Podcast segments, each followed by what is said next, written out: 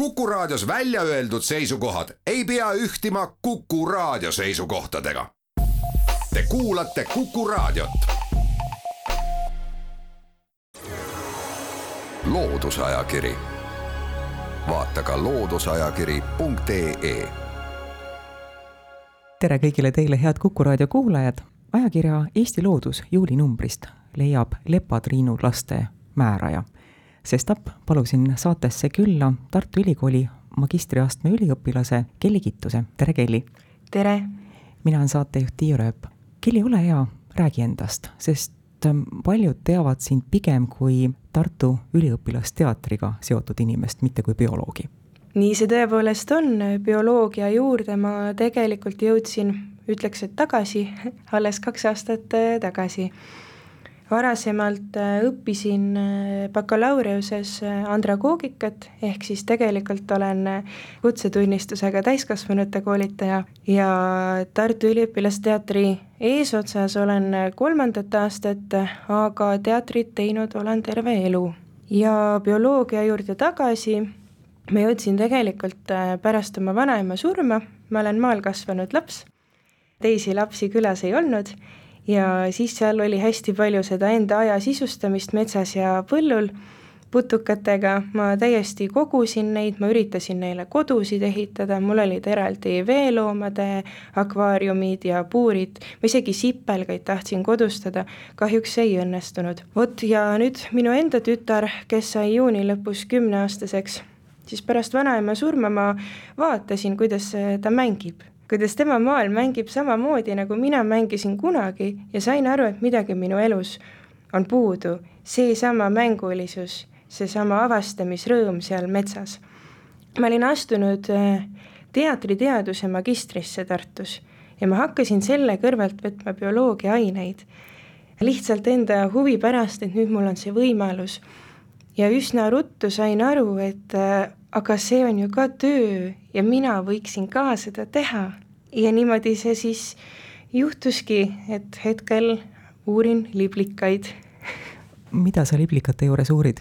seda hästi lihtsalt seletades, ma uurin nende värvusi, tegelikult mul on väga mitmekülgne töö, keerulisem asi, mida ma teen, on pildistamine, selline teaduslik pildistamine kus ma hetkel ma mõõdan paelöölaste värvide kontraste ja ma teen seda ka UV pildistades, ehk siis tegelikult äh, selleks mudelorganismiks, mille järgi me tahame vaadata neid tiibu, on äh, sinitihane ja teatud programmid ja teatud aparaat äh, võimaldab seda niimoodi näha.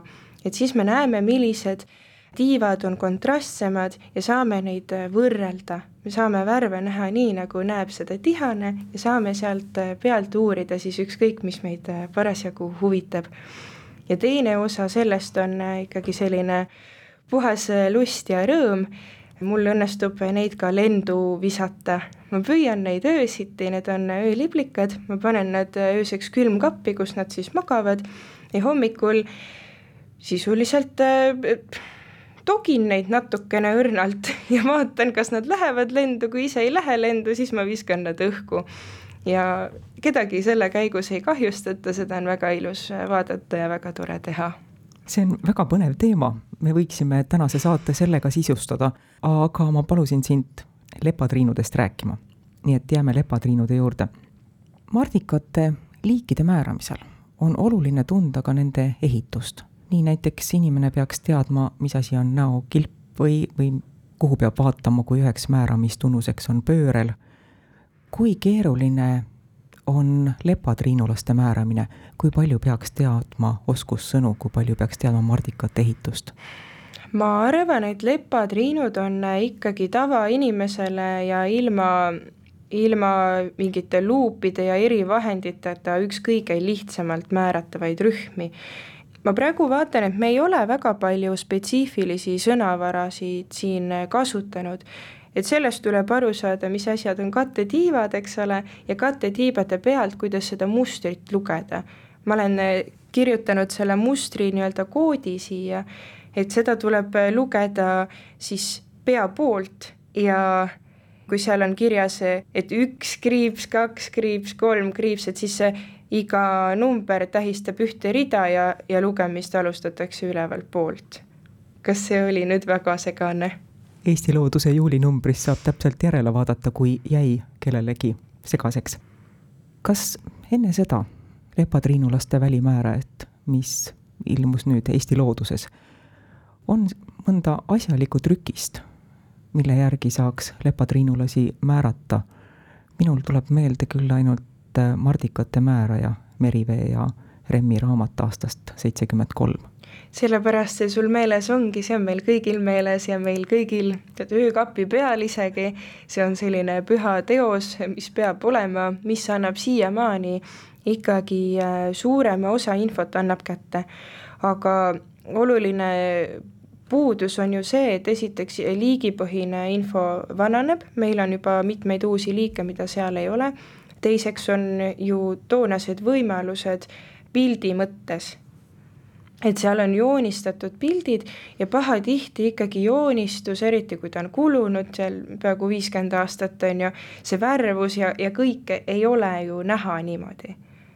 see muutub, see joonistus muutub ja reaalsusega sellel mõnikord on väga vähe pistmist. ja siis ongi niimoodi, kuidas me määrame ka praktikumides, on ikkagi nii, et see põhi on see remmi määraja ja siis, kui sa sealt saad mingi aimduse kätte, et see võib olla see, siis sa kasutad mõnda uuemat välismaist määrajat või siis internetti, et sa lööd selle liigi ladinakeelse nime sisse ja hakkad sealt otsima siis kinnitust enda aimdusele. Lepatriinulaste välimäärajas, mis on Eesti looduses, ei ole kõikidel liikidel eestikeelset nimetust on ladinakeelne, miks see nii on? ilmselt äh, põhjus on selles, et ega keegi ju otseselt nende nimetamisega ei tegele. ja näiteks äh, meie uusim liik, Aasia-Arlekiin lepatriinu, sai nüüd küll endale eestikeelse nime, sellepärast et tema vastu on ju hästi suur huvi, kuna tegu on äh, invasiivse võõrliigiga. Aga need teised lepatriinud, kellel seda nimetust ei ole, on vast sellised kas vähem arvukad või vähem tuntud või, või ei, ei pälvi kuidagi seda suurt huvi, et nime panna, aga ma arvan, et kindlasti see on üks pikema aja eesmärke, et ikkagi Eestis eksisteerivatel putukatel võiks olla need eestikeelsed nimed küll. loodusajakiri, vaata ka looduseajakiri.ee loodusajakiri läheb edasi. täna on saates külas Tartu Ülikooli magistriastme üliõpilane Kelly Kittus. Kelly koostas Eesti lepatriinulaste välimääraja, sellest samast välimäärajast me räägimegi. kõikidel liikidel on fotod juures, hästi paljud on Aivo Tamme tehtud, aga siiski märkimisväärne osa on ka Vikimeediast pärit. kas fotode leidmine, oli see lihtne? enamasti küll aga nende fotode leidmine, mida oleks luba kasutada, siin tekkis küll juba natukene, oli rohkem neid otsinguid. kahjuks ei ole niimoodi, et kõik e-, Eestis esinevad liigid oleksid eestlaste poolt ka üles pildistatud, sellepärast Aivo töö on olnud väga tänuväärne. ja Aivoga mul on ka oma tore seos, et mina käisin tema zooloogiaringis, aastaid käisin ja nüüd kohtusime vist neliteist aastat hiljem jälle, kui minu tütar temaga koos Loodusmaja laagrisse läks. Aivo on ikkagi terve oma elu, võiks öelda, pühendanud loodusharidusele, selle jäädvustamisele ja edendamisele. ma olen hästi tänulik. maailmas on lepatriinulasi umbes kuus tuhat, kui palju meil on? meil on viiskümmend seitse liiki. on seda palju, on seda vähe? sõltub, kellega võrrelda, et kui meil liblikaid kokku on paar tuhat, aga samas ma arvan, et meie kliimavööndi kohta on täitsa normaalne kogus lepatriinusid. on nad meil kõik röövloomad? ei ole, ei, see on vist üks levinumaid, üks, üks levinud eksiarvamusi küll, aga samas ikkagi enamus on aga Eesti liikidest võiks küll välja tuua, et äh, lutserni triinu äh, toitub, nagu nimigi ütleb, enamasti lutsernil, ja siis on meil kaks seentoidulist liiki, üks on kahvatu käokirjak ja teine on üks ladinakeelne liik. su jutust käis läbi sõna üks eksiarvamusi või valearvamusi lepatriinude kohta. milliseid valearvamusi veel lepatriinude kohta on? eks nende nimi ole parasjagu eksitav. Ma arvan, et kõik on arvanud, kes selle peale vähegi mõelnud on, et nende nimi on kuidagi seotud lepaga, aga hoopiski vanasti hästi,, hästi-hästi vanasti öeldi lepp punase värvi kohta ja kuna võib-olla kõige silmatorkavamad lepatriinud on punased, siis niimoodi nad oma nime saidki. lepatriinude silmatorkav värv on selleks, et anda teada, ma ei maitse hästi. Kas siiski leidub ka selliseid organisme, kes hea meelega söövad lepatriinut, kelle toit on lepatriinu? jah, lepatriinude mürk iseenesest on ka juba väga-väga huvitav teema, kuna igal perekonnal on erinev alkaloid, et neil ei ole kõigil nagu sama mürk. aga sellegipoolest mitmed värvulised neid siiski söövad, aga võib-olla minu jaoks on huvitavamad juba nende parasiitsed suhted Neid on ka mitmeid, aga näiteks on äh, juuluklased, et sellised tegelased, kes äh, paralüseerivad lepatriinu, et äh, lepatriinu jalgade vahele kududa kookonit, et seal sees saaksid siis valmida juuluklaste munad ja võib ka juhtuda, et see lepatriinu elab selle üle. miks nad nii teevad, kas lepatriinu kattetiibade värvus on neile kaitseks? Jah, see on küll üks tõenäolisemaid äh, viise, et see on ikkagi neile kuidagi kasulik. saateaega natuke veel on, aga mul on ka üks küsimus, millele sa võib-olla vastad pikemalt, ma ei tea. miks sa tegid lepatriinulaste määraja, miks seda vaja läks? ma tegin selle määraja eelkõige mõeldes oma tütre peale, keda ma siin olen juba maininud, ja mõeldes Tartu Loodusmaja peale. et kuna looduse tundmist on äh, meil maailmas minu arvates väga vähe, kas või kui me, kui me võtame mingisugused seltsid, ah, kiletiivalised, kahetiivalised, martikalised, äh, igale seltsile Eestis on võib-olla pakkuda paar asjatundjat. inimesed käivad ringi ja ei märka väga tihti enam, mis nende ümber on. siis minu arvates tuleks alustada eelkõige lastest, et seda muuta ja üks käepärane määraja, mida saab alati kaasa võtta, võiks olla selline esimene silmi avav võimalus, sest selle saab kaasa võtta laps, selle saab kaasa võtta lapsevanem või õpetaja ja minna loodusesse kas või pool tundi ringi vaadata, mida sa näed.